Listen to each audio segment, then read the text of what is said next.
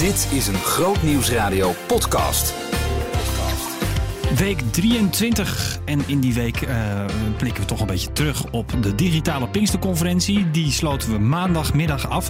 En uh, wat interessant is, al die protesten. Hoe komt het nou dat we voor het een wel in actie komen en voor het ander niet? Groot Nieuwsradio podcast. Met Maurits Reinoud.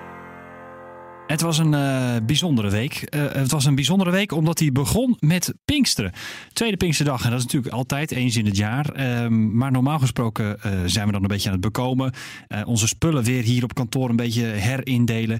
Want dan komen we terug met allemaal dozen en kratten met spullen. Want we zijn in Biddinghuizen geweest op de Pinksterconferentie van Stichting Opwekking. Dit jaar natuurlijk geen Pinksterconferentie in Biddinghuizen. Het vond allemaal plaats hier in het gebouw van Groot Nieuwsradio. De Troubadour in Venendaal. En ja, dat was even aanpassen. Het was een, een hoop gedoe om het allemaal uh, op, uh, op orde te krijgen, zeg maar. Om het, om het technisch allemaal voor elkaar te krijgen. Um, om een heel nieuw draaiboek te gaan maken met een conferentie die eigenlijk in een paar weken is ontstaan in plaats van een paar maanden. Maar het is allemaal gelukt. En op die Pinksterconferentie was een uh, bijzondere dienst. Op zondagavond de genezingsdienst. Martin Kornstra was een van de sprekers samen met Kees Goedhart en David de Vos. En ik sprak op vrijdagochtend in de Nieuwe Morgen nog even met hem over die dienst en hoe hij terugkijkt op die digitale Pinksterconferentie. Maar eerst wat anders. Je hebt het ongetwijfeld al gezien in het nieuws. Er wordt gedemonstreerd in Nederland. Uh, en dat mag allemaal uh, als je je maar aan de coronamaatregelen houdt. Anderhalve meter afstand houden. In sommige plaatsen wordt dan uh, vroegtijdig een demonstratie afgebroken omdat mensen dat niet doen. Um, het is allemaal overgewaaid vanuit de Verenigde Staten natuurlijk, waar George Floyd um, om het leven is gekomen omdat een agent met zijn knie negen minuten lang in zijn nek heeft gezeten. En George sprak de woorden I can't breathe. Dat zijn de woorden die nu ook overal op borden staan. Protestborden van mensen die protesteren tegen racisme. Ook in Nederland. Hoe komt het dat we voor het een wel in actie komen en voor het ander niet? Daarover sprak Marien in de dag van vandaag met socioloog Wim Dekker. Nou ja, het, het, is verrassend om te zien hoeveel uh, het losmaakt. Dus dat er zoveel mensen op afkomen en dat ook iedereen zo betrokken is bij die demonstraties.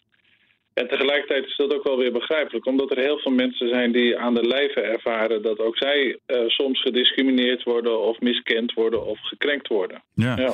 Aan, aan, de andere kant heb ik wel het idee dat die polarisatie en die verschillen en die discriminatie, dat dat, of dat racisme, uh, dat dat het in Amerika nog wel veel groter is dan in Nederland. Waarom gaan er hier dan ook zoveel mensen de straat op? Nou ja, het, het eerste is natuurlijk dat we. Um, allemaal. Ik denk dat iedereen geschokt is door de beelden uh, ja. van de mishandeling. Dus, dus het, het, het appelleert aan je gevoelens. Dat je, dat, daar wordt iedereen moreel verontwaardigd over. Dus dat is het eerste. We voelen ons natuurlijk toch ook verwant met Amerika. Dus er zit ook iets van morele verontwaardiging dat een land waarmee we zo verwant zijn, dat dat daar gebeurt. Dus dat, dat vind ik een, dat is een rol, uh, iets wat een rol speelt. En het tweede is toch ook wel, we, we kennen dit soort verhalen natuurlijk ook wel in Nederland. Met, met, uh, met dat mensen hier uh, sterven als gevolg van politieoptreden, waar ook vaak wel uh, racisme toch een rol in speelt. Of in ieder geval selectief wordt opgetreden tegen bepaalde groepen burgers. En in Nederland hebben we natuurlijk ook wel een, een vraagstuk rondom discriminatie, rondom ras. Denk aan Zwarte Piet. Dat, dat, het appelleert ook aan gevoelens en, en conflicten die in onze samenleving leven. Ja. Het, het, is altijd wel lastig. Want waarom bijvoorbeeld voor dit onderwerp wel en niet op zo'n grote schaal voor bijvoorbeeld vluchtelingen of de situatie in Jemen op dit moment? Wat, wat ook heel erg is. Ja, er, er zijn natuurlijk heel veel erge dingen. Alleen um, Jemen is een conflict waar we als westerse samenleving niet zelf direct een rol in spelen. Dat is toch een Arabisch conflict, dus dat, dat raakt dan op die manier minder. Terwijl als, hier, als je hier als uh, allochtone minderheid in Nederland leeft en je ervaart uh, regelmatig de gevolgen van discriminatie of van racisme, dan, dan is dat wel iets om tegenop te staan. En we hebben in Nederland natuurlijk ook. In Amerika heb je Trump die, die steeds olie op het vuur gooit. In Nederland heb je natuurlijk ook partijen als PVV en, en uh, Forum voor Democratie. die ook steeds afgelopen periode hebben gesuggereerd dat, dat het vooral de Marokkanen zijn die problemen geven. Dat het vooral de, uh, de, de Nederlandse identiteit wordt aangetast. Dus dat conflict dat smult ook in de Nederlandse samenleving. En dit is blijkbaar net een iets geweest wat, wat bij ons ook iets oproept van... maar nu wil ik een daad stellen, dit pikken we niet meer, hier moeten we tegen de opstand komen. Ja. Komt dat ook door sociale media? We hebben wel een grote invloed, want de beelden appelleren ontzettend. Dus, dus als je ziet hoe Mhm. die witte politieagent, die zwarte man... eigenlijk krenkt en vernedert en, en onderdrukt... met dan ook nog eens een keer de dood tot gevolg... dat beeld dat, dat, dat zit op je netvlies en dat, dat maakt iets, iets bij je wakker... waardoor je echt denkt van ja, maar dit, dit gaat echt te ver. Dit gaan we gewoon niet, niet goedkeuren. Dus dat, dat, die beelden die maken wel heel veel los... En dat wordt weer versterkt door, door de polariserende tweets van Trump en, en anderen, waardoor, waardoor je een ontzettende hetze krijgt en spanning en een conflict. En dat, dan wil je een daad stellen, wil je laten zien, dit gaat gewoon niet goed. Ja. Nou wordt er ook een, ster- een sterk moreel appel gedaan op bedrijven en instanties om zich uit te spreken. Je zou kunnen zeggen, zoiets abstracts als een bedrijf kun je niet vragen om eh, een standpunt in te nemen over iets waar ze niets mee te maken hebben. Waarom gebeurt dat dan toch? Omdat elk bedrijf inmiddels zwarte medewerkers heeft. En eh, die zwarte medewerkers die, die, die eisen nu hun morele gelijk op. En, dat, de, en niet alleen de zwarte medewerkers, ook de witte medewerkers die solidair met ze zijn. Er is nu echt een, een eh, sfeer ontstaan waarbij gezegd wordt... nu moet je laten zien aan wiens kant je staat. En dat, dat gaat door alles heen. Maar is dat positief? natuurlijk ook weer heel simpel. Want als ik nu zeg van ik sta aan de goede kant... dan, dan heb ik gelijk me, ben ik klaar. ja, ja.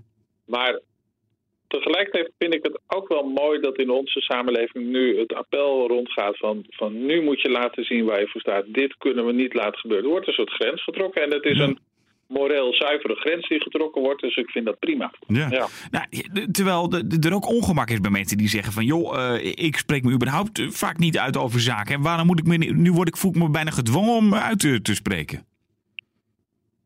Ja, maar eh, ook bedrijven, ook organisaties zijn onderdeel van een westerse of een Nederlandse of een Amerikaanse samenleving. En je moet soms ook gewoon zeggen van zo, dit hoort niet bij onze samenleving. Dat, dat, dat is goed om dat op zijn tijd rondom zoiets wat zo overduidelijk is als dit. Waarom zou je dat niet zeggen? Ja. Nou, nou, even nog weer naar Nederland toe. Want er is ook heel veel verontwaardiging en discussie over het aantal mensen dat de straat op gaat. En in, in het geval van Amsterdam daarbij niet voldoende afstand hield. In plaats van dat er eigenlijk inhoudelijk met een probleem bezig gegaan wordt. Hoe verklaart u dat? Ja, dat, dat vind ik, eh, dat is het politieke gekrakel wat je in Nederland nu voortdurend hebt. Eh, op die manier kunnen we mooi de burgemeester van Amsterdam weer even onder druk zetten. En de, de, de, niet, eh, de partijen die niet bij Femke Halsema horen, die kunnen dit dus mooi gebruiken om haar onder druk te zetten. Maar het leidt alleen maar af van de kern van de zaak. Dus ik, ik vind het werkelijk, ik vind het niet goed wat Femke Halsema heeft gedaan. Ze had anders moeten handelen. Om daar het hoofdpunt van te maken, dat, dat zegt ook wel iets over ehm, het niveau van de Nederlandse politiek. En misschien ook wel van de journalistiek, dat daar alle aandacht naar uitgaat. Dat is gewoon slecht. Dat moet je niet doen. Dat gaat over de inhoud van de demonstratie. Daar moeten we het over hebben. Oké, dus wat dat betreft ook een taak voor de media daarin. Absoluut, want je, je kunt hier eh, nog weken kolommen mee vullen en, en radioprogramma's. Maar heb het over de zaak waar het om gaat. Waarom komen zoveel mensen hierop af? Omdat ze echt moreel verontwaardigd zijn. En dat is de boodschap die ze willen geven. En dat, dat vraagt ook aandacht. Dit moet gewoon ook aandacht hebben. Socioloog Wim Dekker hoorde je. Hij is ook eh, docent aan de Christelijke Hogeschool Ede. Grootnieuwsradio podcast. Met Maurits Reinoud. Het was eh, best heet en warm in die zaal. En het zweet stond op eh, het voorhoofd van Martin Koornstra. Eh, en dat kwam dus niet alleen van zijn bewogenheid, maar ook van de temperatuur in eh, de zaal hier beneden in de Troubadour in Veenendaal. Waar we de genezingsdienst hadden op zondagavond op de Pinksterconferentie. Er werd gebeden voor zieken. En ja, dat is altijd bijzonder natuurlijk als dat gebeurt. Dat gebeurt ook op de Pinksterconferentie in Biddinghuizen. Als er heel veel mensen in die tent zitten, dat is toch heel anders. Ehm, hoe is dat nu geweest en wat voor verhalen heeft Martin Koornstra na die tijd allemaal gehoord? Ik blikte met hem terug op de conferentie en op de genezingsdienst in de Nieuwe Morgen op vrijdagochtend. En ik vroeg hem, ja, hoe heb je het nou beleefd? Ja, is heel bijzonder. Hè? Het is natuurlijk allereerst het feit dat het digitaal is. Is apart. Eh, je kijkt in een camera. En eh, je bidt voor mensen die je niet ziet. Of je spreekt ze toe. Gelukkig hebben we, heb ik zelf de afgelopen week wat ervaring opgedaan. Want ook wij als Roy Mission zijn al nu bijna twaalf weken elke avond online met een eh, livestream. Dus je, je went daar wel aan. Dus dat is apart. Eh, tegelijk het voorrecht om met Kees en David dit te doen. Voelt als heel bijzonder. Omdat je ja, wa- wanneer zou dat ooit live gebeuren? Dat je het met, drie- met drie van die mannen, en dat mogen ook vrouwen zijn, maar even deze drie, zo in één dienst dat samen leidt, dat komt eigenlijk nooit voor. Dus het- alleen het feit dat het al gebeurt en dan het voorrecht, het voelde een beetje als drie generaties, drie eh, ja, verschillende soorten mensen die met hetzelfde onderwerp betrokken zijn. Dus dat was al, dat was gewoon heel bijzonder. We hebben ook gewoon veel met elkaar gepraat voor en na over wat is God aan het doen en waar zit jij? Ja, en daarnaast het idee dat er zoveel mensen thuis verwachtingsvol zitten te kijken. Ik had echt ook wel het idee van tevoren. Dit kan best wel wezen dat heel veel mensen zitten te wachten op deze dienst thuis. Hmm. En dat geeft ook een soort ja, verwachting, misschien ook wel een soort spanning. Maar het idee van, heer, wat, wat zou er allemaal gaan gebeuren? En ben ik dus ook benieuwd gewoon van, wat gebeurt er daarna allemaal bij mensen thuis? Dus we hebben al heel veel reacties gekregen, maar dat is nog ongoing. Dus dat is heel mooi. Ja. Ja. Het is natuurlijk heel anders, hè? want je, je zei al, je hebt er ervaring mee, maar je, je staat niet voor een grote tent met heel veel mensen daarin. En je ziet bij wijze ook geen mensen naar voren komen. Dus je, Nee. je weet ook niet precies wat voor ja, eh, er invloed er op dat moment is op die mensen. Nee. Hoe, ehm, hoe kom je in de flow? Heb- Of, of is, die, is die er bijvoorbeeld in, tijdens zo'n proces, eh, tijdens zo'n dienst? Ja, het, is, het is wel anders. Ik, ik, ik, ik ken dus mensen ook binnen ons team van Remission die, die dus niet voor een camera vinden ze heel moeilijk. Hè? Dus gewoon niemand zien. Hè? Wij geven bijvoorbeeld online cursussen. Ik doe het dan met wat YouTube filmpjes en dan een soort live Q&A. En anderen in ons team zeggen ik wil het via Zoom, want ik wil gezichtjes zien. Ja. Ja, dus daar verschillen mensen. Voor mij, ik kan het redelijk goed in een camera. Omdat ik, eh, waarom, wat is het dan? In mijn hart is een, eh, is een bewogenheid over mensen. En die is er bijna permanent. En, en zeker over het lijden van mensen. Dus dat, zodra ik daar ga staan over dat onderwerp praat, gebeurt er iets met me. Waardoor ik zelfs, eh, al is er niemand bij, nog emotioneel kan worden. Omdat ik weet, zijn de mensen waar ik het nu tegen heb. Hmm. En ja, ja, ja, ik zoek naar woorden eigenlijk. Ik, Ja. Dat is er gewoon. En, en, dus, en ik had ook wel het voorrecht. En dat klasse voor David. David was als eerste en daarna Kees. En ik was als laatste in onze korte eh, toespraakjes. Dus je bent ook al meegenomen door wat zij gedaan hebben. Ja. Dus eh, ja, het, voelde als ook wel weer ja, heel apart, maar ook wel heel erg. Oh, dit is goed. Ja. Ja, jij, er was ook een moment in de dienst waarop je ja, het gevoel had van, eh, dat, dat de geest tot je sprak. En dat je zei, eh, er zit iemand nu met vlekken op zijn longen, was dat geloof ik? Ja, ik noemde een paar dingen. Had Ja. eh, eh, vaak voor een dienst van genezing ga ik, of tijdens de dienst, of daarvoor die, die middag was ik gaan wandelen. En vraag ik gewoon God, heeft u nog iets wat ik bijzonder moet noemen? Ja. En dat was bijvoorbeeld iets met, en ik dacht dat een man was met vlekken op de longen door roken. En met gewoon, ja, nou, dat daar een foto van gemaakt was. Mm. Maar ook iemand, een vrouw, daar werd ik zelfs wat emotioneel over. Met, omdat ik het, smiddags dacht dat ik het zelfs voelde van droge ogen al een aantal jaren. En zoveel pijn. En daar vocht in moeten brengen, omdat de ogen geen vocht meer aanmaakten. Hmm. En eh, nou, ik had aan Ruben gevraagd, mag ik dat delen? En dat was goed. Dus het was, na de preekjes was er een moment van, nou, dat we allemaal nog gingen bidden. En toen noemde ik die dingen. En dat was wel, eh, ja, voor mezelf ook wel weer een, dat is een stap in geloof. Dat is lef hebben, want je weet niet wie daar zit. En, maar het mooie is als dan bijvoorbeeld, dat van die vrouw, dat daar een getuigenis komt van een vrouw die zegt, mijn ogen zijn geopereerd en mijn traanbuisjes werken niet meer. Hmm. Zes jaar geleden. Ik moet, nou, ze beschreven, dat is ingewikkelde termen, maar met bloed waar, wat, waar dan weer vocht uitgehaald wordt, dat moet ze inbrengen naar haar oog. En zegt, en ik moet altijd een zonnebril op. En ze zegt, na het gebed heb ik mijn zonnebril niet meer opgehad. Hm. En ik heb nog een beetje prikkelende ogen, maar ik heb het idee dat het helemaal aan het genezen is. Ja, als dat dan, eh, ja goed, ik praat me weer, hè. Ik Mhm. bedoel, omdat het, Go- God, het, mooie is, Jezus, dat doet Jezus. Hij ziet altijd de hele massa en hij ziet ook het individu. En als ik dat ook proef in zo'n dienst, daar zitten duizenden mensen te kijken. Maar die ene ziet God ook. Jij bent, wordt altijd gezien. Ja, en als dat dan bij elkaar komt, dan denk je, ja, jullie bent zo bemoedigend voor de massa. En u wilt individuen gewoon persoonlijk aanraken. Ja, dat, dat, dat is Jezus. Ja, ja mooi. Geloof je dat er dezelfde kracht van uitgaat op het moment dat je zo voor zo'n camera staat als dat mensen in een zaal zitten? Dat is een vraag die als ik die eh, drie maanden geleden moest beantwoorden, dat ik daar altijd zeg, ik denk het wel, maar ik heb er weinig ervaring mee. maar ondertussen eh, ben ik overtuigd dat het zo is. En ik vermoed zelfs dat er meer wonderen gebeuren. En dat Waarom? heel- Waarom? Eh, eh, Kijk, in een dienst ben je iets aan het opbouwen met elkaar. Maar er zitten ook heel veel mensen voor wie dat nieuw is. Er zit in een soort spanning. Hè? Mensen kijken mee. De, de massa doet iets met je. Mhm. Dat kan ook eh, een hype zijn. Dus daar moet je ook voor opletten bij massa. Maar het kan ook mensen denken van ja, eh, het is goed. Ik, ik, ik word wel toeschouwer vandaag. Maar thuis kun je kiezen om je ergens aan over te geven terwijl niemand het ziet. Mhm. Dus misschien voelt thuis soms wel veiliger en kunnen mensen makkelijker zich openstellen voor wat God gaat doen. Ik wil het niet tegen elkaar uitspelen, alleen wij zien ook in onze livestream, wij, wij krijgen zulke ongelooflijke verhalen die ik, waarvan ik denk, maar heer, waarom gebeurt dat nu?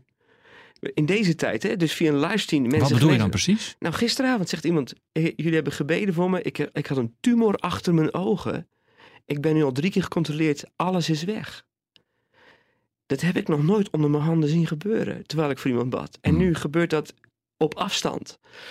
Eh, en ik wil het niet tegen elkaar uitspelen. Alleen het doet ook iets met mij. Dat ik denk: Heer, ik weet het wel. Ik geloof dat God was. Dan, ja, de, bijna. Alleen als het dan gaat gebeuren, denk je: Goh. Ja, dus God. eh, misschien wil God ook gewoon even benadrukken. eh, het draait helemaal niet zoveel om jullie. Ik doe het wel. Hmm. En dat dat ook ons. En ik weet dat wel, maar dat dat gewoon weer helder wordt. Ja, heer. u- gebruikt ons gebed. U wil dat wij iets in gang zetten. Maar u, u gaat daar op bezoek. Ik ben daar niet. U bent daar. Hmm. Nou, en dat is alleen maar mooier dat mensen het ook niet meer gaan hangen aan die persoon of aan die aanraking. Alhoewel handoplegging altijd heel bijbels en goed blijft. En ik verlang ernaar dat het weer kan. Dat het Ja, moment komt. ja. En tegelijk eh, bevestigt nog meer wat God op afstand kan doen. En dat is, hij is, dat is juist het werk van de geest. Overal tegelijk. Hmm. Ja. In de dienst eh, werden mensen ook aangemoedigd om zelf ergens een hand op te leggen. Hè? Ja. Eh, hoe werkt dat dan precies? want, want dat lijkt me zo apart. Ja. Dat je dan maar ergens je hand legt en dan ben jij het zelf. Kan dat ook? Nou, kijk, het zit hem niet in die hand die dan ineens heilig wordt. Je ziet vaak dat in de Bijbel, als mensen genezen worden in de bediening van Jezus, dat die mensen allemaal een bepaalde actie ondernemen. Hè, mensen gooien zich voor de voeten van Jezus. De bloed van de vrouw raakt de kleding van Jezus en ze doen iets. En eigenlijk wil je mensen activeren om, om te helpen mee te gaan in dat het ontvangen van een wonder. En dan is je hand leggen op je plek is eigenlijk zeggen, Heer, ik doe mee. Raak mij maar aan. Mhm. Waar mijn hand legt, wilt u daar uw hand leggen. Eigenlijk is het fysiek uitbeelden wat je bidt. En natuurlijk is dat handoplegging. Ja, we kunnen ze niet aanraken. Maar het is, eh, zelfs in diensten vraag ik dat soms aan mensen. Om gewoon te zeggen, ik doe mee. Eigenlijk laat je ook zien aan de mensen om je heen. eh, ik, ik, ik strek me uit naar een wonder. Hmm. En eigenlijk is het bijna ook je gebed. Hè? Fysiek uitbeelden. Heer, raak mij hier aan. In mijn knie, daar heb ik pijn. Eh, zit daar kracht aan? Nou ja, in de Bijbel komt best wel veel symboliek langs. Waar God kracht aan verbindt. Dus zo neem je mensen mee en help je hen om te ontvangen. Maar ook om uit te, hun, hun gebed uit te bidden naar God. Ja. Is er gebeurd wat je had gehoopt? Dat is een moeilijke vraag, want getuigenissen kosten echt heel veel tijd voordat eh, die terugkomen. Maar mensen moeten ook tijd nemen om het te checken. Mhm. En je moet niet na één dag zeggen, ja, eh, mijn hernia is genezen. Neem even de tijd en laat een arts het controleren. Dat is heel gezond. Er werd bijvoorbeeld in de dienst van genezing werden een paar filmpjes getoond. Ook net voor mijn eh, toespraak was een filmpje van een jongen die aan zijn arm genezen. Zijn arm hing er een beetje bij, kon niet bewegen. Dat is vorig jaar in de dienst van genezing gebeurd. Als opwekking dat filmpje niet had gemaakt, had ik het niet geweten. Hmm. Dus pas een jaar later hoor ik wat ik op het podium zeg. Er wordt iemand aangeraakt aan zijn arm. Het gebeurt nu. En ik voelde dat het gebeurde. Maar er zitten duizenden mensen. Je hebt geen idee. En nu zie ik dat filmpje. Als, als dat niet bij opwekking in een filmpje had ik nooit geweten dat wat ik daar zei, dat God het deed. Hmm. Dus is, heb ik ja, als beleving van die avond eh, het idee dat het op heel veel plekken, nou ook, ook de preekjes, hè, geloof, hoop, liefde was een mooie opbouw, mooi de verschijnheid. Maar ik hoop dat er nog heel veel getuigenissen komen. Maar daar hebben mensen gewoon tijd voor nodig. Ja.